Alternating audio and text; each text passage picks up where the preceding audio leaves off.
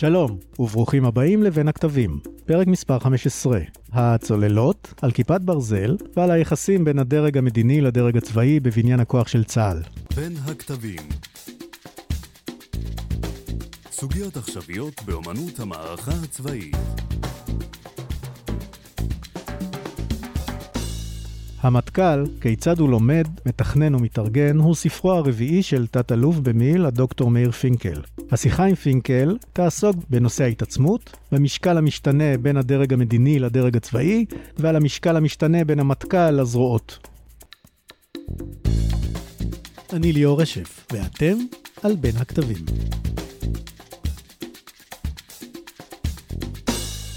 אהלן פינקל. ערב טוב. אתה מביא כמה דוגמאות, אולי הכי מעניינת בעת הנוכחית היא פרשת הצוללות. ביטחון אה, ישראל מחייב רכש צוללות וחידוש צי הצוללות. אלה מערכות נשק אסטרטגיות שמבטיחות את עתידה, ואני אומר לכם, את עצם קיומה של מדינת ישראל לעשרות השנים הבאות. כן, ניקח את המקרה של הצוללות כמקרה אחד מתוך כמה, שבו הדרג המדיני מגדיר לדרג הצבאי אה, מה כיווני בניין הכוח. זה מתחיל כבר מימי בן גוריון, שמסביר לצה"ל לעתיד לבוא שהבעיה היא לא המלחמה בכנופיות ובערביי ארץ ישראל, אלא שעומדים לפלוש לכאן צבאות ערב וצריך להתכונן ללחימה נגד צבאות. מהשנים האחרונות, אה, הסיפור של כיפת ברזל, שר הביטחון אה, עמיר פרץ, שמחליט להיכנס לתהליך הצטיידות נרחב בעניין הזה, בניגוד לעמדת הדרג הצבאי. אני אזכיר גם אה, לוויינות צבאית וטנק המרכבה שלא כל כך מכירים, מקרים אחרים שבהם אה, הדרג המדיני, נקרא לזה, אכף את רצונו על הדרג הצבאי, כמו החץ. עוזי רובין, שהוא היה ראש פרויקט חומה במשרד הביטחון. קודם כל, הטריגר לכניסה להגנה אקטיבית הייתה ההתחמשות הסורית המסיבית בתק"ק אחרי מלחמת לבנון הראשונה. ובמקביל לזה ובלי קשר לזה ההתחמשות העיראקית והאיראנית בטילים תוך כדי מלחמת איראן עיראק זה המריץ את רבין שהיה שר הביטחון, זה תקופתו כשר הביטחון להצטרף לתוכנית מלחמת הכוכבים של הנשיא רייגן. במקביל הייתו עבודות מטה בצה"ל וצה"ל קבע שהאיום מצדיק לכל היותר הגנה פסיבית. מסכות אב"כ מערכות התרעה והתנגד נמרצות להשקעה בהגנה אקטיבית והדיבורים היו בערך מהסוג בדיוק אותם ארגומנטים צריך להשקיע את הכל בהתקפה, לגמור את המלחמה מהר ואז לא יהיו טילים. דבריו, ציטטת מילה במילה של הרמטכ"ל דאז, אה, שאני לא אזכיר את שמו. הפשרה הייתה שרבין התיר לתעשייה להתקשר עם ארצות הברית ישירות כקבלן משנה של הפנטגון אה, כדי לפתח טיל, לא מערכת נשק. שר הביטחון הבא, ארנס, אה, הורה לפתח, להתחיל לפתח את המערכות המקבילות, מכ"ם, מטרה ועקיבה. אחרי מלחמת המפרץ, כשרבין בתפקיד, חזר הדיון למלוא עוצמתו, ורבין אה, לא קיבל את אה, עמדת צה"ל, ובניגוד לעמדת צה"ל אישר תוכנית רב-שנתית אה, לפתח מערכת נשק מלאה סביב טיל העירות שתעשייה אווירית פיתחה אותו, זאת מערכת הנשק חץ. אחד הביטויים לחוסר הקונצנזוס היה שהפרויקט פותח ללא דמ"ץ, שוב פעם זה מזכיר דברים שקרו לאחרונה בכיפת ברזל. האיום הייחוס אה, והדרישה המבצעית פורסמה רק אה, כשנתיים לאחר מכן וגם כן לא למערכת במלואה. ב-94 מה שהיה שובר השוויון זה שהפנטגון הסכים להצטרף לתוכנית במלואה, לא רק לטיל, הוא הסכים לממן חלק מעלויות פיתוח כל המערכת ואז ההתנגדויות בארץ פחתו אבל יחד עם זה חילוקי הדעות כמו שקרה בכיפת ברזל אה, בין הדרג המדיני והצבאי הופיע בהחלט לתהליך בלתי סדור פרויקט שהתחיל בחתיכות חתיכות במקום בצורה מסודרת בלי דמ"ץ, וכשהכניסו אותו לשירות מבצעי זה גרם להרבה בעיות. המכנה המשותף הוא שהדרג המדיני מסתכל קדימה ומחליט מה שהוא רוצה, וזה כמובן בסדר גמור והוא צריך לעשות. על הבעיה שטמונה בעניין הזה, שאתה מחליט בעניין הנקודתי הזה, והנקודתי ההוא, והנקודתי השלישי, קשה מאוד לעשות תעדוף כוללני, ואז מה שנפגע בעצם זה תהליך התכנון הרב השנתי, נקרא לזה באמת השלם. כי אתה בעצם, מה שקורה לאורך הזמן, אתה מוציא ממנו חלקים ודן בפחות ופחות נושאים. בוא נלך צעד אחורה, בוא תסביר בכמה מילים איך המטכ"ל אה, מתכנן, ואז נצליח יותר להבין מה הבעיה. המטכ"ל מתכנן אה, בקבועי זמן של אה, חמש שנים, באופן עקרוני. זה נקרא התוכנית הרב-שנתית, התר"ש. למעשה, מה שנקבע בתוכנית הרב-שנתית משפיע על עשרות שנים, כמו טנקים, מטוסים, צוללות, אה, ספינות ו- ו- ומגוון של דברים אחרים. באופן עקרוני, אני לא אכנס לפרטים, מי שיקרא את הספר יכול לראות על גישות שונות לתכנון תוכנית הרב-שנתית, שמשתנות לאורך ההיסטוריה של צה"ל, והספר מפרט הסברים למתודולוגיות השונות ולמה הן משתנות לאורך השנים. מה זאת אומרת מתודולוגיות שונות? יש, אה, מבינים מה האיום, ואז uh, חושבים איך מנצחים וקונים. כן, נכון. אז uh, תחת הכותרות של מבינים מה האיום, ויש הרבה איומים שחלקם מתחרים אחד בשני בצרכים, ותחת הכותרת של חושבים איך לנצח, ותחת הכותרת של תעדוף של אה, אה, תחומים רבים ויכולות רבות, מסתתרים, אה, מסתתרות מתודולוגיות אה, שונות לעניין. זה עניין כמובן די מורכב, וכאמור הוא משתנה בהתאם לבעיות, לאופי הבעיות, משקלם של הדרגים השונים. וקבלת ההחלטות אז, והיחסים ביניהם. אז זהו. איך אה, בכל התיאור המתודולוגי יפה, איך משתלב הדרג המדיני? או, הדרג המדיני יכול תיאורטית להשתלב בשתי צורות. הדרך הראשונה, המקובלת בהרבה מדינות בעולם, היא שלא הצבא מכין את תוכניות בניין הכוח, אלא משרד ההגנה, קו נטוי ביטחון, קו נטוי המלחמה. הגיוני שהממלכה אומרת מה חשוב, מה, מה התעדוף, והצבא יממש. כן. לצבא כמובן, גם במקומות האלה, במקומות שהתהליכים האלה קורים מלמעלה למטה, כמו במערכת האמריקאית ובמערכת הבריטית לדוגמה, גם שם לצבא יש מקום כמובן אה, מרכזי בעניין. אני לא אכנס לבעיות של המערכת הישראלית, הרבה פעמים אה, אה, צה"ל הוא המתכנן הלאומי בכל מיני עניינים, ראו גם... מעורבותו שלא ברצונו תמיד בהסכמי שלום או בכל מיני דברים כאלה. גם זה הגיוני לי, שהצבא מבין מה האיום, הוא מתחכך עם האויב, הוא מבין מה צריך, תקנו לי עוד טנקים, תקנו לי עוד כן, מטוסים, אבל, אבל מערכת השיקולים שלו לעיתים מוגבלת, היא, היא מוגבלת לצרכים הצבאיים. קצרי הטווח, הצבא לרוב לא ישקיע בפיתוח, ועוד נדבר על מנגנונים שעוסקים בעניין הזה. קשה לו להסתכל מעבר למלחמה הקרובה שתקרה בקדנציה של מפקדיו. והוא ייטה לרוב אמ, להשקיע באמצעים שזמן הפיתוח שלהם קצר ויגיעו בהקדם ויהיו רלוונטיים למלחמה הקרובה.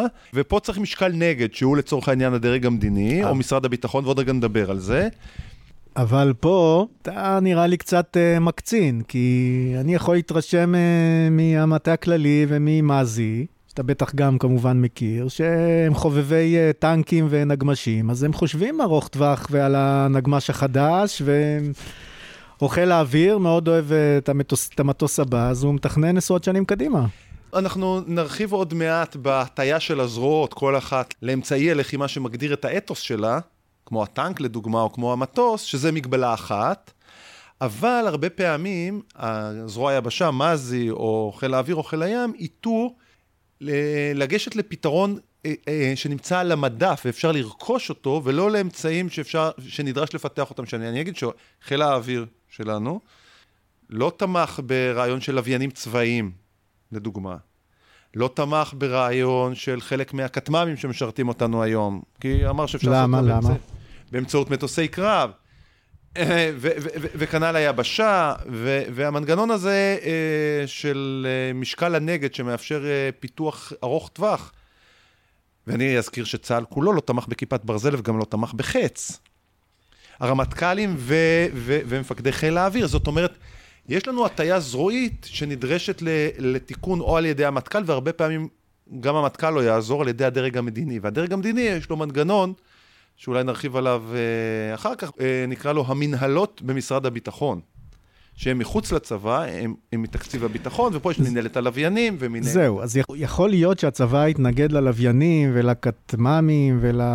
ולחץ, כי זה עול כבד על תקציב הביטחון שהוא רוצה למצות. בדרכים יותר פשוטות, והוא לא רוצה שזה יילקח לו מהתקציב. אז, אז, אז, אז הצבא בנה על זה שזה... לזרוק את זה נכון, בחזרה. זה מנגנון, ל... זה מנגנון מוכר, גם, גם של הצבא מול הדרג המדיני, וגם של זרועות כמו זרוע האוויר מול המטכ"ל. אה, אני לא מתנגד לזה, אבל אה, זה לא בסדר ראש סדר העדיפות שלי, אני מתכוון, כאילו, אני זה הזרוע, ואם תתקצב אותי בעניין, אני אשמח אה, לקבל את היכולת הזאת. אבל מה שאני רוצה להגיד, מעורבים פה גם שיקולים משאביים של להגן על הטנק ולהגן על המטוס מפני כיפת ברזל או חץ או משהו אחר, אבל גם שיקולים תפיסתיים. זאת אומרת, צה"ל זה צבא עם אתוס התקפי. ובדיונים שאתה רואה במטכ"ל, אתה רואה שחלק מההתנגדויות הן, אה, זה לא ורסטילי, כאילו שיקולים מבצעיים, זה הגנתי, זה כמו ההתנגדויות לחלק מערכות אה, מגן נגד אה, נשק אה, כי כימי לפני מלחמת המפרץ, כי כי צה"ל זה לא- מקטין את ההרתעה. זאת אומרת, כי צה"ל הוא אוהב צבא עם את- אתוס התקפי, ובגדול לא אוהב לרכוש אה, מתקציבו, ולא ייטב ולא ייזום אה, פתרונות הגנתיים. ופתרונות הגנתיים, הכוונה שאינם ורסטיליים. זאת אומרת, כן, הוא יעדיף את כן, המטוס קרב אה, רב-משימתי על פני מטוס סיירות בלבד, על- הוא על יגיף- כיפת ברזל, כיפת ברזל שיש לה רק תפקיד אחד, כן, נכון. גדר, אז, אז לצבא יש שיקולים משלו, והרבה פעמים צריך את האיזון של הדרג המדיני, ואם אנחנו חוזרים לשאלה שלך לפני מספר דקות, אה, לעניין של אה, איך המנגנון, איך משפיע הדרג המדיני. אז הדרג המדיני בשתי שיטות. אחד, לעיתים הוא משפיע, וכמו שציינתי את המקרים בתחילת הפודקאסט, הוא מת... לעיתים הוא מתנהג כמו בארצות הברית או בבריטניה לצורך העניין של הנחיות מלמעלה למטה. רק מה שחסר לו לטענתי זה מנגנון שייצר את ההבנות האלה ובראייה רחבה. זאת אומרת, יש החלטות של דרג מדיני שלפעמים מבין את העניין ואומר ככה. אה, הרבה פעמים, בהרבה דברים אחרים, הדומיננטיות של צה"ל, שהיא בכלל בחיים הביטחוניים ובחיים הציבוריים, היא גדולה, והצבא מתכנן, חושב ומציע לדרג המדיני, ומי שיקרא את ספרי הקודם, הרמטכ"ל, יראה שהדרג המדיני אה, נוטה לא לריב עם הצבא על סוגיות שהן לא מרכזיות בעיניו, כי לא טוב לדרג המדיני לריב עם הצבא, זה לא עושה לו טוב. הצבא מתנהל כאילו יש לו צ'ק פתוח מהדרג המדיני, לא, הוא לא מתנהג כאילו שיש לו צ'ק פתוח, אבל הוא מתנהג כמומחה לעניין, שבא להציג את uh, טענתו, לעיתים ללא משקל נגד, כי המל"ל לא מסוגל לספק משקל נגד לעניין הזה. ומכיוון שהצבא חזק והמערכת הביטחונית החיצונית אליו, uh, שאמורה או לייצר רעיונות כאלה, כמו שאמרתי, או בפנטגון או, במ- או במשרד ההגנה הבריטי, ששם יש מסה קריטית של אנשים שמפתחים את הרעיונות האלה, אין אותה במדינת ישראל, אז הרבה פעמים קשה להתווכח עם הצבא. או שמתווכחים עם הצבא, זה בצורה של ככה אני מנחה, וזה בסדר, יכול להיות שכאילו שזה הדבר הנכון, אבל אז נפגע אה, כל מה שקשור לסדר עדיפויות. קשה מאוד לעשות תעדוף כוללני, אה, ואז מה שנפגע בעצם זה תהליך התכנון הרב השנתי, נקרא לזה באמת בר- השלם. אז זה דפוס בעצם שזיהית שהדרג המדיני במקרים מסוימים משפיע, אבל בצורה נקודתית ולא בראייה רחבה. כן, הטענה שלי כזאת, הדרג המדיני בכל תקופה בהיסטוריה של ישראל, יש דברים מסוימים שנחשבים בעיניו, נקרא לזה אסטרטגיים, הדברים החשובים מאוד. אז בעבר זה היה טנקים ומטוסים, היו הנשק האסטרטגי, אז, אז הוא והצבא דיברו על אותו דבר. אבל בוא נסתכל רגע על אה, 20 השנה האחרונות, עניינים של איראן, עניינים של אה, חמאס וכולי וכולי. אז מה אני טוען שקורה? יש תקציב ביטחון, נקרא לזה פוטנציאלי, לא תקציב הביטחון שזה, תקציב ביטחון פוטנציאלי זה מה שהממשלה או הקבינט חושבים שאפשר להשקיע בביטחון. אז מה, מה ראינו לדוגמה? מה הדרג המדיני אומר? תראו, מעגל שלישי, תקיפה במעגל שלישי, שנטען שהשקיעו ב-11 או 12 מיליארד אה, שקל בשנים מסוימות. הדרג המדיני אומר, תקשיבו, מעגל שלישי, צורך משאבי עתק, באימונים, בחימושים, במודיעין, בין לא יודע, בכל מיני דברים. אני אומר לכם שהעניין הזה חשוב, אני שם על זה תקציב, ולכאורה זה חיצוני לתקציב צה"ל, אבל בפועל אנחנו מבינים, כמו שאמרתי, זה חלק מהתקציב הפוטנציאלי. אם היו דנים עליו יחד עם דברים אחרים, אולי היו עושים דברים אחרים. תתעסקו בעניין הזה, אל תתעסקו בכסף, אני נותן לכם את הכסף, או אה, חלק אני נותן לכם וחלק אתם צריכים לעשות. אני החלטתי שמעגל שלישי הוא בראש סדר העדיפויות, ואם נשווה אותו נלך למעגל ראשון, אז מעגל שלישי מקבל את התקצוב שלו באופן כמה שיותר מלא. עכשיו בואו ניכנס לתוך מעגל ראשון. מעגל ראשון, לצורך העניין, מלחמה עם חיזבאללה. הדרג המדיני אומר, אוקיי, יש יכולות התקפיות, יכולות הגנתיות. אני רוצה להגן על ערי מדינת ישראל ככה וככה, ואני רוצה סוללות כיפת ברזל, ואני רוצה מספר מיירטי תמיר, ואני רוצה הגנה של פיקוד העורף וכולי, ואזעקות וכולי וכולי. העניין הזה מבחינתי הוא אסטרטגי, אני מקצה לו משאבים כאלה וכאלה, ויכולות התקפיות זה מה שיישאר. עכשיו, זה מה שיישאר. נשמע מאוד לגיטימי. כן? לא, לא, הכל, הכל לכאורה לגיטימי, מה שאני אסביר, הבעיה היא לא בתוכן, הבעיה היא בתהליך. זאת אומרת, אז עד עכשיו הדרג המדיני הוציא את מעגל שלישי, ובתוך מעגל ראשון הוא הוציא את נושא ההגנה. הוציא, מה זה אומר? תקצב מבחוץ? אה, הנחה את הדרג הצבאי אה, להקצות אה, לזה. אה, להקצות משאבים, ואפילו הוסיף תקציב משלו, אבל בפועל זה חלק מהתקציב הפוטנציאלי שרצוי היה לדון עליו בצורה אינטגרטיבית. עכשיו בואו נרד עוד שלב, עכשיו יש את היכולות ההתקפיות. ובואו נשתמש לדוגמה במסמך ש, שראש הממשלה פרסם, לפחות חלקים ממנו, על תפיסת הביטחון שלו, אז מה יש שם? יש שם תקיפה בסייבר, הוא אומר, אוקיי, זה חשוב לי מאוד, גם הגנה בסייבר, לא משנה, יכולות מעצמתיות. יש יכולת תקיפה באש. אני רוצה שתייצרו לי יכולת תקיפה אווירית עם אה, הרבה מטוסים והרבה מטרות וכולי וכולי. אז זה כן נאמר. מה לא נאמר? על היבשה. אז הדרג המדיני החליט גם על זה, אז גם זה לכאורה יוצא מהדיון. ואז, מה שאני טוען, הוא שלאורך זמן, הדיון, ה... מה שצה"ל קורא, דיון בתר"ש, שבתוכו עושים סדרי עדיפויות, הולך לאורך השנים ומצטמצם, ומה שאתה מקבל זה החלטות שהן מה שנקרא מקוטעות, פיסמיל. אני מחליט בנפרד על צוללות. אני מחליט בנפרד על צוללות כיפת ברזל. אני מחליט בנפרד על גדרות הפרדה, או גדרות כאלה או אחרות. אני מחליט בנפרד על היקף התקיפה האווירית. בסדר גמור, אבל ההחלטות האלה מתקבלות בצורה מקוטעת, לא בצורה אינטגרטיבית. בסופו של דבר, כשמדברים על התכנון הרב-שנתי, שבעבר, אני טוען, היה אינטגרטיבי הרבה יותר, כלל את הרוב הגדול של הדברים, אז עכשיו הוא בפועל, לא רוצה להגיד באחוזים, על חלק מצומצם יחסית מתוך תקציב הביטחון הפוטנציאלי, שכבר הוצאנו ממנו הרבה מאוד מרכיבים כאילו החוצה בהחלטות בדידות. והטענתי היא שמבחינה תהליכית זה שגוי. יכול להיות שאתה צריך לתעדף בין צוללות לבין חימושים לחיל אוויר לבין אה, אה, תחמושת לטנקים, אבל אתה לא תצליח לעשות את זה, כי כבר הוצאת בשלבים מוקדמים חלקים שלמים מהדיון. הוצאנו עכשיו בדיון התיאורטי יכולת מעגל שלישי, הוצאנו יכולת הגנה במעגל ראשון, הוצאנו יכולת תקיפה כזאת ואחרת.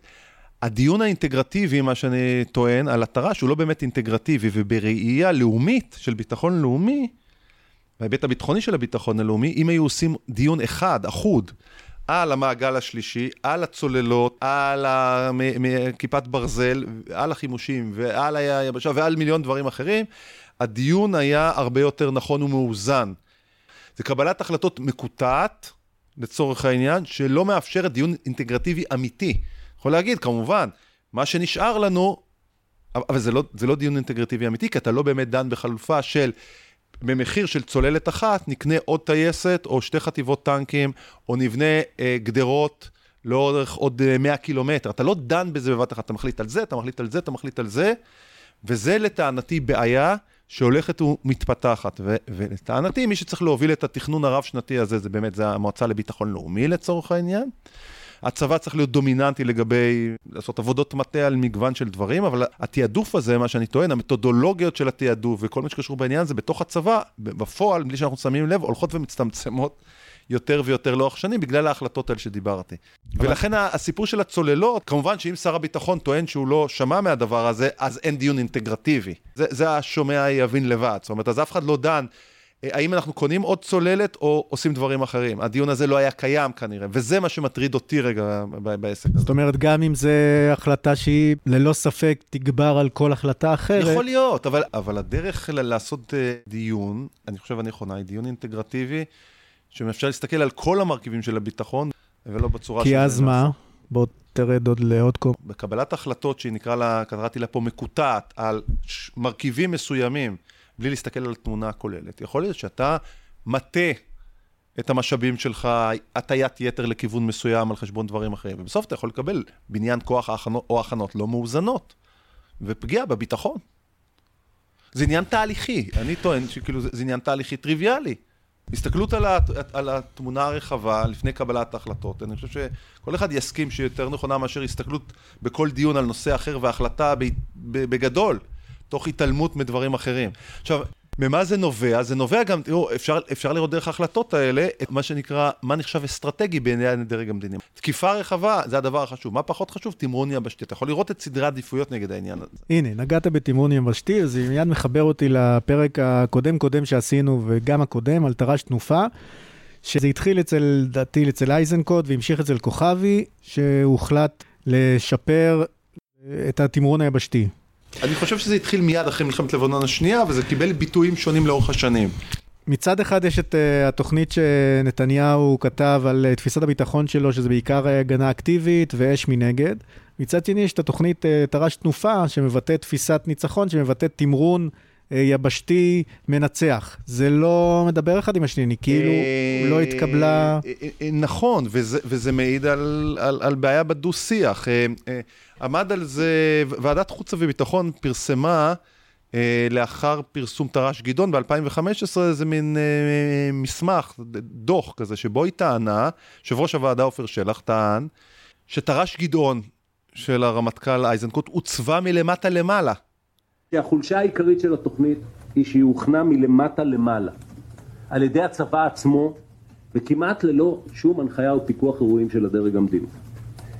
אני חושב שניסיון העבר, הקרוב, גם מלחמת לבנון השנייה, גם צוק איתן, מלמדים אותנו שבמלחמות מהמערכות של זמננו, אם אין הגדרה מדויקת של ההישג שאליו אנחנו רוצים להגיע, והגדרה על ידי דרג מדיני של תפיסת ההפעלה שהוא מאמין בה כדי להגיע להישג הזה, וכמובן גם יאשר אותה בזמן אמת, רוב הסיכויים הם שבזמן אמת הכוח עלול להיות לא מוכן, וגם לא להיות מופעל בדרך שבה הוא נבנה. כשאתה מפעיל את הצבא בסופו של דבר, בתהליך, אפילו אם הוא תהליך מתגלגל ולא מוחלט, 34 יום אל מול חיזבאללה, 51 יום אל מול חמאס, אתה מגיע למצב של, אני לא רוצה להגיד אפיסת כוחות, אבל בתחומים מסוימים אפילו לא רחוק משם, כי הצבא לא נבנה על פי אותו היגיון שהוא הופעל, כי לא הייתה מההתחלה הגדרה. של איך עושים את זה, לכן זה חשוב שהקבינט יעשה את זה, לכן זה חשוב שהדרג המדיני יהיה שם, לכן אם הדרג המדיני איננו שם, זה מעמיד בסכנה את יכולתו של צה"ל למלא את משימותיו בזמן אמת. ולצערי אני אומר, זה אומר שהלקחים שהיו צריכים להיות מופקים מצוק איתן לא הופקו. צבא שנבנה במסגרת תפיסה כזאת עלול להיות מופעל, וזה מה שקרה בלבנון השנייה וצוק איתן, עלול להיות מופעל בהיגיון אחר לגמרי, ולכן לא להתאים למשימותיו. השיח הזה, שבין, בהקשר הזה, בין דרג מדיני לבין צבא, שיח, שבו דרג מדיני מגדיר מטרות, מגדיר תפיסה איך הוא רוצה לעשות את זה, בודק שהצבא מוכן, מקבל מהצבא את הפידבקים, ואז בסופו של דבר כולם מתקיילים למשהו שהוא אמיתי וריאלי, אה, אם קורית אה, הערכה, זה הדבר הקריטי וזה לא יתקיים בעיצוב תר"ש גדעון, שכולו עוצב מלמטה למעלה על ידי הצבא. בעיניי, בדבר הזה הדרג המדיני התחמק ממימוש אחריותו כמפקד העליון של צה"ל. לתת הוראות ברורות ולוודא שהן מתבצעות, וגם מהשיח הנדרש בינו ובין הצבא, כדי שבעת הצורך הצבא יופעל לדברים שהוא מוכן ולמטרה שיש לה ערך בהגדרות של הדרג המדיני, והפרת האחריות הזאת מעמידה בסכנה או מקשה על יכולתו של צה"ל לבצע את משימותיו לעת מערכה. ואפשר היה לראות ממש את ההבדלים, ואני כותב פה על זה בספר, על, ה, על, ה, על הפער הזה וגם במקומות אחרים, זה מוכר שה... הרמטכ"ל איזנקוט הדגיש במה שנקרא מסמך אסטרטגיית צה"ל ב-2015, שהכווין את תר"ש גדעון, שהאויבים המרכזיים שאליו, שלהם, שלמלחמה מולם צה"ל צריך להתכונן זה חיזבאללה וחמאס, ובאותו זמן ראש הממשלה נתניהו אמר שאיראן היא לב הבעיה. אני, להבנתי, הפרסום של מסמך אסטרטגיית צה"ל באופן פומבי, פומבי נועד להציף את דעת המטכ"ל מתוך תקווה לדו-שיח על העניין הזה. והיא באמת מבטאת את הבעיה שיש לנו במנגנון הביטחוני. עופר שלח לא דן לחיוב את צה"ל על זה שהתר"ש הוצב מלמטה למעלה, הוא טען שהצבא עשה את מה שהוא היה צריך לעשות, אבל הדרג המדיני לא עשה את מה שהוא היה צריך לעשות, והיה צריך לעשות עבודת מטה מקיפה ולהציג את ה... ולפתח את הידע ו- ו- ולהציע איך צריך להיות התכנון הרב-שנתי. והיום תר"ש תנופה, הוא גם לא מתכתב.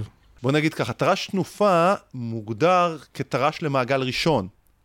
בהקשר הזה חיזבאללה כאויב הייחוס. אז במובן העקרוני הזה, גם הוא לא קשור למעגל שלישי. תר"ש תנופה, יש בו מרכיבים גדולים מאוד של אש. יש פה איזון של הרבה מאוד אה, אה, תחומים. אבל אם אה, ניקח גם כן את, אני לא רוצה להיכנס יותר מדי לאקטואליה, אבל אני חושב שזה נאמר, ואתה בטוח תמצא את התיאור העיתונאי של העניין הזה, שהתר"ש הזה, בגלל הבעיה, הנקרא לזה, אה, הפוליטית של השנים האחרונות הוצג אה, בצורה מאוד מאוד אה, קצרה ו- ותמציתית, ו- ו- והדרג המדיני, אני, אה, נראה לי, למיטב הבנתי, לא דן בו באופן מעמיק, ואנחנו עוד פעם מקבלים דומיננטיות של הדרג הצבאי, הפעם מסיבות אחרות לגמרי, בתוך התהליך הזה. ו- ואני אזכיר עוד איזו עובדה ידועה, שהיא קשורה מאוד מאוד לענייננו, והיא של, שהדרג המדיני לא מפרסם תפיסת ביטחון רשמית. אני מזכיר, הניסיון האחרון, בערך... נניח נקרא לזה הפורמלי, דוח ועדת מרידור, מה שנקרא, ב-2006, שגם הוא לא אומץ ולא, ולא פורסם באופן מלא. יש ו... את מסמך נתניהו. כן, אבל אז אני לא, אני לא קראתי את מסמך נתניהו, אני מכיר רק את הפרטים שפורסמו. אה, אני לא יודע, זו שאלה טובה. זאת אומרת, האם נעשה דיון עם הצבא והבעת עמדתו של הצבא בעניין הזה, והגעה רגע להכוונה מוסדרת של העניין, או שזה מסמך שהופץ, והדרג המדיני בעצמו לא מתייחס אליו אה, ברצינות. ושוב, בשונה ממדינות אחרות, וכתבתי על זה מאמר שפורסם בכתב העת עד כאן אסטרטגי של ה-INSS על, על התפתחות של מסמכי אסטרטגיית צה"ל משנת 2000 ועד היום, מסמכים פורמליים, רובם הגדול פנימיים בתוך הצבא. אתה רואה שהדרג המדיני במדינת ישראל נמנע מלהגיד את עמדתו הברורה. דרך אגב, כמו שהרבה פעמים הוא נמנע מלהגיד את עמדתו הברורה בסוגיות של הפעלת כוח, יותר נוח לו שהצבא יגיד מה הוא חושב, והוא יגיד כן, הוא, הוא מרגיש פחות מחויב לעניין הזה. יש פה איזה עניין עקרוני של אה, רצון לא להתחייב לכיוונים כאלה ואחרים כדי לשמור על חופש פעולה כזה או אחר, או אני לא יודע. זאת אומרת, יש לנו, נתפתח פה מנגנון שיש בו בעייתיות מסוימת מהבחינה הזאת. אנחנו חיינו איתו בצורה כזאת או אחרת, ואני טוען שמה שתיארתי קודם נוסף עליו, העניין הזה של הוצאת מרכיבים אה, מתוך הדיון האינטגרטיבי. התחלת לדבר קודם על המנהלות במשרד הביטחון, למה, למה אתה מתכוון? המנהלות במשרד הביטחון זה קונץ פטנט ישראלי, שבו, אפשר להגיד, המערכת עוקפת את עצמה. כמו שאמרתי קודם, וההיסטוריה מוכיחה את זה פעם אחר פעם, כשהצבא, יש בפניו חלופות לקנות משהו טוב שעובד מן המדף, לעומת לפתח משהו עתידי שיעבוד טוב יותר בראייה עתידית, אבל יגיע גם יותר מאוחר, הצבא נוטה לפתרון הראשון. והדבר הזה כמובן מגביל חדשנות, מגביל פיתוח יכולות ישראליות ועוד כל מיני דברים שהם uh, מעבר להסתכלותו של צה"ל ובתוך תחום הסתכלותו של משרד הביטחון והמדינה. פיתוח יכולות במדינת ישראל, יכולות מדעיות, יכולות טכנולוגיות וכולי וכולי. אז איך פותרים את הבעיה הזאת? פה הומצא מנגנון של uh, מנהלות במשרד הביטחון. המנהלת זה מנגנון ביטחוני, אבל מחוץ לצה"ל, שיש לו תקציב משל עצמו, שצה"ל לא יכול לגעת בו, בשונה מתקציבים אחרים שצה"ל... אה, המרואיין עושה עם האצבעות אה, מרכאות. כן, אני אסביר רגע. שאתה נותן לצה"ל, אומר, אה, צה"ל, אתה עכשיו תרכוש משהו ונותן את זה לתקציב שלך, אז צה"ל ירכוש את מה שאמרת לו, אבל גם יכול להשתמש בתקציב שנתת לו לעוד דברים. ו- ו- ולפעמים אה, יכול לשכנע שאומנם נתת לו את הכסף לת- לנושא אחד, אבל יש נושאים יותר חשובים ולהטות את התקציב לעניינים אחרים וכולי וכולי. כשהכסף יושב במנהלת במשרד הביטחון, צה"ל לא יכול לגעת בו, וזה לטובת צה"ל. הרעיון הוא שהכסף הזה נועד לפיתוח יכולות ביטחוניות, חדשניות בעיקר, ופה אני מדבר על החץ ועל כיפת הברזל ועל הלוויינים ועל טנק המרכבה, כל הדברים האלה צריך, השומע צריך לדעת, פותחו במסגרת מנהלות במשרד הביטחון. אה, מתוך הבנה שצה"ל, א', לא אה, יעדיף תמיד פתרונות מדף ולא פתרונות חדשניים ארוכי טווח, אחד, ושתיים, שאם התקציב יהיה אצלו, אז יקרה לו, יקרה לו זליגה מדאיגה לכל מיני מקומות. ובעצם המערכת אימצה מנגנון שעוקף את עצמה כדי לשמור על תקציבי הפיתוח לעניינים ביטחוניים מחוץ לצה"ל ובתוך מערכת הביטחון. הפתרון הזה עובד, זאת אומרת, צה"ל מבין אותו, בסופו של דבר הוא מקבל יכולות state of the art שלא היו מפתחות בצורה אחרת, ולא נמנה פה את כל המנהלות, כי יש עוד, עוד, עוד, עוד דברים שפותחו בצורה הזאת. אבל זה עוד פעם המנגנון הישראלי, נקרא לזה, הייחודי, לפיתוח יכולות חדשניות של, שפיתוחן אה, אורך זמן רב. ולרוב צה"ל לא ייתה לאמץ את היכולת עד שהיא לא פותחה, עד שהיא לא פותחה. זאת אומרת, הוא לא ייתה להשקיע את משאבי הפיתוח בדברים, אה, לרכוש דברים אה, קיימים. כי הוא מסתכל על הקדנציה הקרובה של המפקדים, על השנים הקרובות וכולי וכולי. אז זה המנגנון הישראלי במתח שבין, אה, נקרא לזה שמרנות וחדשנות. תגיד, ומה קורה בתוך הצבא? נגיד בין המטכ"ל לזרועות, אני מכיר uh, קצת את תהליכי בניין הכוח בחיל האוויר וגם המטכ"ל. אני יודע שאם חיל האוויר רוצה משהו, הוא יודע להציג ולספר את הסיפור באופן שמתאים לאוזן של המטכ"ל, והוא יקבל את מה שהוא רוצה. נכ- נכון, ו- ואפשר להגיד שבצורה מסוימת, מה שתיארתי בין עוצמת הדרג הצבאי, מנגנון, המנגנון הצבאי שמתכנן, לבין המנגנון המדינתי, נניח המל"ל, שבו צה"ל יותר חזק, אז אותו דבר גם קורה בתוך צה"ל. בתוך צה"ל המטכ"ל חלש והזרועות חזקות. מה זה הזרועות? הזרועות זה הגופים שאחראים או על בניין כוח בפני עצמו כמו זרוע יבשה, או גם על בניין כוח וגם על הפעלתו, בגלל היקף מצומצם יחסית. הם המתמחים בלחימה במימד שלהם, האוויר באוויר, הים בים. ביבשה יש לאנשי היבשה בעיה, כי הם המומחים, אבל גם מפקדי הפיקודים מומחים, וגם הרמטכ"ל מומחה, הוא לרוב איש יבשה, אז שם יש יותר בעיות, אבל באופן עקרוני, זה הגופים שיש להם את uh, גופי התכנון והחשיבה וכולי וכולי, שיכולים לייצר uh, עמדות מוצקות לגבי איך, uh, כמו שהתחלנו, מהו האיום, מה אופי המענה ומה סדרי העדיפויות. צריך להגיד, הגופים האלה מוטים אתוס. מה זה אתוס? זרוע היבשה מזדהה עם לוחם החי"ר ועם הטנקיסט ועם התותחן. קשה לה לעסוק בעניינים של מנהרות, חוצות גבול, כי זה לא קשור לאחד משלושת הדברים האלה או לאיש ההנדסה. חיל האוויר הישראלי, האתוס שלו מבוסס על מטוס הקרב.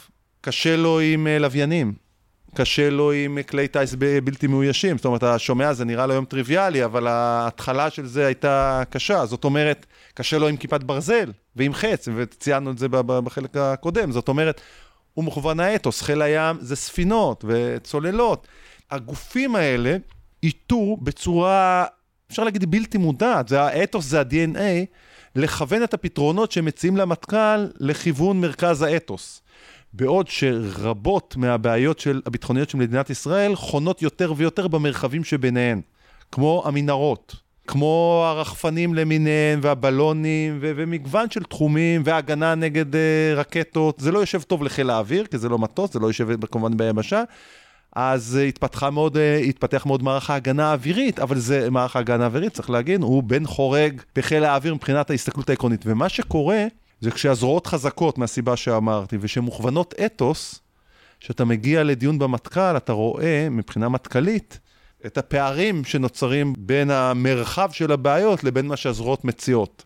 ואז זה דווקא מגדיל את ההערכה לפתרון הזה של תר"ש תנופה, שבו מנסים לייצר איזו שילוביות של, של אתוסים, גם של תמרון, קרקעי, גם של רחפנים, שזה בכלל משהו אווירי. זה מאוד מרשים, השבירת תפיסה הזאת. אני לא יודע אם באמת אם אפשר לשלב אתוסים, זה עניין הרבה יותר עמוק ואפשר לעשות עליו שיחה נפרדת, אבל אני חושב שמה שתר"ש תנופה עושה, וזה לא בהיבט התוכן, אלא בהיבט התהליך, הוא עושה תהליך שהוא נדיר בתולדות צה"ל, והוא תהליך של top down. זאת אומרת, לא התהליך נקרא לו השגרתי, שבו הזרועות מציעות למטכ"ל את רעיונותיהן והמטכ"ל בורר ומתווך ביניהן וגם מתעסק, אני צריך להגיד, לדוגמה, יכולת אה, פעולה מוסקת זה שילוב של חיל האוויר ו... ויבשה. זאת אומרת, חיל האוויר אף פעם לא יתעדף מסוקים במקום ראשון, והמטכ"ל צריך להגיד לו, תקנה מסוקים, כי לי חשוב פעולה בעומק, כי, כי אמרנו לפני רגע שמסוקים זה לא מטוסי קרב. ואם אנחנו מדברים על נחיתה מהים, אז יש לנו עוד שילוב של אה, אמצעי נחיתה מהים, וחיל הים אה, אוהב צוללות ו- ו- וספינות שטח, לא נחתות. וכולי, למטכ"ל יש גם בעיות בין זרועיות שהוא חייב לאכוף מלמעלה, אבל בעצם, באופן עקרוני, הזרועות באות מלמט, עם רעיונות מלמטה, והמטכ"ל בורר ומפשר ומארגן. מה שנעשה בתר"ש תנופה הוא אחרי ניתוח מעמיק שנעשה לפני כן, אה, לגבי בעיות בניין הכוח של צה"ל. ומה שנאמר הוא, באופן עקרוני הבא, בסדר הלוגי הבא, הבעיות נעשות מורכבות לפתרון. המענה להן, גם הוא לצערנו צריך להיות מורכב, אנחנו לא אוהבים שהוא מורכב, אבל הוא צריך להיות מורכב, יותר משולב בתוך הזרוע, יותר בין זרועי, אה, רב-מימדי, זאת אומרת לא רק הזרועות, אלא מימדים שהן לא קשורות לזרוע, כמו סייבר וספקטרום ותודעה ודברים כאלה. אין ברירה, זאת הבעיה וככה אנחנו צריכים לפעול. אז מה המנגנון שמאפשר פיתוח רעיונות כאלה שיבואו מלמעלה למטה, שהם יהיו רב-זרועים ורב-מימדיים במהותם, ולא בוררות בין רעיונות זרועים שהם חד-מימדיים במהותם מהסיבות שפירטנו קודם. ופה מה שנעשה זה פיתוח מנגנונים תהליכיים במטכ"ל, ש, אה, שיחזקו את פיתוח הידע במטכ"ל על איך נכון לבנות את הכוח. כי כמו שאמרתי, אם הזרוע חזקה ובמטכ"ל אין לה משקל נגד, אז הזרוע תנצח. אבל מכיוון שהזרוע היא תמיד חד-מימדית, אתה היית צריך לבנות מנגנון במטכ"ל, אה, שלא אה, בדיוק לבדוק, לחזק את הגת, יכול, השומע יכול להגיד, אבל יש את הגת, אבל, אבל מי שמכיר לעומק את הגת ויקרא את הספר, הגת תתעסק לא, לאורך שנים בניהול המשאבים, לא בפיתוח רעיונות ללחימה רב-ממדית אה, ורב-זרועית. והחידוש שיש פה במסגרת תר"ש תנופה, והוא קצת נעלם מהעין, זה לדוגמה הקמת חטיבת שילוח, חטיבת שיטות לחימה וחדשנות, שהיא גוף מטכ"לי חדש שנועד לפתח דברים בראייה מלמעלה למטה. זה גוף חשיבה, שילוח? כגוף, כ, כגוף מטה ש, שאמור, כן, כגוף מטה וחשיבה, היחידה הרב-מימדית כיחידת ניסוי, רב זרועית וכולי וכולי, וכל מיני מנגנונים ותהליכים שנועדו לפתח רעיונות בעצם, שהמטכ"ל גם יוכל להגיד מה הוא רוצה. כי כמו שאמרתי, הזרוע תמיד תביא רעיון חד-מימדי שקשור למימד שלה, כדי להביא רעיונות אחרים, מישהו צריך להסתכל על זה מלמעלה למטה. אז אני חושב שמה שחשוב בהקשר התהליכים שלהם אנחנו מדברים, בלי קשר לתוכן של תר"ש תנופה, זה החשיבה וההתארגנות מחדש במטכ"ל כדי להביא רעיונות שהם מלמעלה למטה ולחזק בעצם את המטכ"ל במובן התוכני. זאת אומרת, הכסף תמיד היה אצלו והוא יכול היה לחלק אותו כך או אחרת, כמובן, ופה אנחנו חוזרים לדיונים מהדרג המדיני וכולי, אבל היה חסר לו רעיונות משל עצמו, בסדר? וזה הדבר שהתחזק. אני, אני רק חייב להגיד שבעבר לא היינו צריכים את השילוב הזה. אני, אני אתן רגע דוגמה למלחמת ששת הימים, אני נותן אותה בכל הזדמנות. זה, זה, זה, זה היו מלחמות נפרדות בים וביבשה. היה מבצע מוקד, היה פנטסטי, ואחר כך אה, נלחמו בסיני וזה היה פנטסטי, וסיוע, וסיוע אווירי וזה עזר, וזה לא היה לב העניין. וחיל האוויר ניצח את חיל האוויר, וחיל השריון, ולא משנה, היבשה ניצחה את הצבא המצרי בסיני, ושהרכבת את שני הדברים האלה, קיבלת ניצחון מפואר במלחמת ששת הימים מול הצבא המצרי, וגם במקומות אחרים. לא היה צריך את כל, ה, את כל התאומים האלה, ואת כל המורכבות הזה, זה היה שטח פתוח, ראית את האויב, והכל לבד, זה בעצם... ויכולת להמשיך בתהליכים של, זה, ניתן את זה ליבשה, ניתן את זה לחיל האוויר, כל אחד יעשה את המלחמה שלו בצורה מצוינת, ונרכיב זה יהיה מצוין. זה לא עובד היום. וזאת הסיבה שאנחנו נאלצים לעשות תהליכים שהם יותר אינטגרטיביים, יותר משולבים, וגם להביא רעיונות מטכ"ליים שקודם לכאורה לא היינו צריכים אותם. כל אחד שיביא את הרעיון שלו, נתקצב אותו, הוא ינצח את המלחמה שלו, ובסוף זה יהיה ניצחון משולב. זה לא עובד יותר. אתה כל הזמן אומר שהזרועות השפיעו על המטה הכללי, יש איזו דוגמה הפוכה, שהמטה... כן, אז, אז יש דוגמה אחת. שמפורטת פה בספר, תחת מגבלות uh, ביטחון מידע, כתבתי על תהליך מאוד מרשים שהתרחש בצה"ל בשנות ה-90, שבו את, הרעיונות נבטו בימי uh, רמטכ"ל שומרון, אבל פותחו לכדי תפיסה מערכתית בידי, uh, בימי הרמטכ"ל ברק. היכולת הייתה פיתוח של השמדה מערכתית של רקם, אה, מנגד, באמצעים של אה, איסוף מודיעין אה, בטווחים רחוקים בזמן אמת, והשמדה שלהם באמצעות חימושים מונחים מדויקים. והרמטכ"ל ברק הבין בחושיו שאם הוא יגיד, אוקיי, זה הכיוון, עכשיו אני נותן לחיל האוויר וליבשה ולאמן כסף לעשות את הדבר הזה, אז יקרה את מה שקורה שהזרועות דומיננטיות, והם יתחילו למסמס ולעגל ולעשות כל מיני דברים, ולכן המנגנון שהוא פיתח היה המנגנון שעקף את הזרועות. עוד מנגנון מעקף. הוא הקים בעצם מנהלת מטכ"לית שישבה באג"ת, אבל כדי שהסורות לא יעשו לו את המוות, אז הוא הקים במקביל גם מנהלת במפח"ש ומנהלת בחיל האוויר. והוא הקים מנהלת ל... כדי לנ... להקים ולנהל תרגילים, ניסויים מערכתיים, שצה"ל לא עשה לפני כן, וגם לא כל כך עשה אחרי כן, ונעשו בשנות ה-90 אה, ארבעה תרגילים כאלה בידי מנהלת מטכ"לית. שנועדו לפתח את החשיבה? לפתח את התפיסה המתפתחת uh, להשמדה מערכתית של, של uh, אש מנגד. הדוגמה הזאת היא, היא רעיון שבא מלמעלה למטה, הוא לא התפתח באף אחד מהזרועות. הזרועות הביעו התנגדותן. זאת אומרת, היבשה אמרה, זה לא טנקים, אנחנו לא אוהבים את הדבר הזה. חיל האוויר אמר, זה לא מטוסים, אנחנו לא אוהבים את הדבר, הזה. ממש כך. ולכן התקציב ישב במפא"ת, אצל ראש מו"פ, תת-אלוף uh, יצחק בן ישראל, שם העניין פותח, הוא תוקצב על ידי המטכ"ל והוחזק בעצם במו"פ, במפא"ת, בעצם סוג של אני המטכ"ל מחזיק את התקציב ואת הניהול אצלי כדי לעקוף את הבעיה של הזרוע שתיארנו קודם לכן, ש- שתמיד תגיד לה איזה משהו, בסוף זה יקבל טוויסט לכיוון שלה. אז זאת דוגמה רגע למנגנון, ואנחנו מדברים פה על מנגנונים ותהליכים, שבו המטכ"ל עוקף את הזרועות, כי הוא מבין את העוצמה של הזרועות, הוא מבין שניתן להם כסף או זה, זה, זה ילך לכיוונים אחרים, ומחזיק את הניהול ואת המשאבים אצלו. ועם זה נסיים.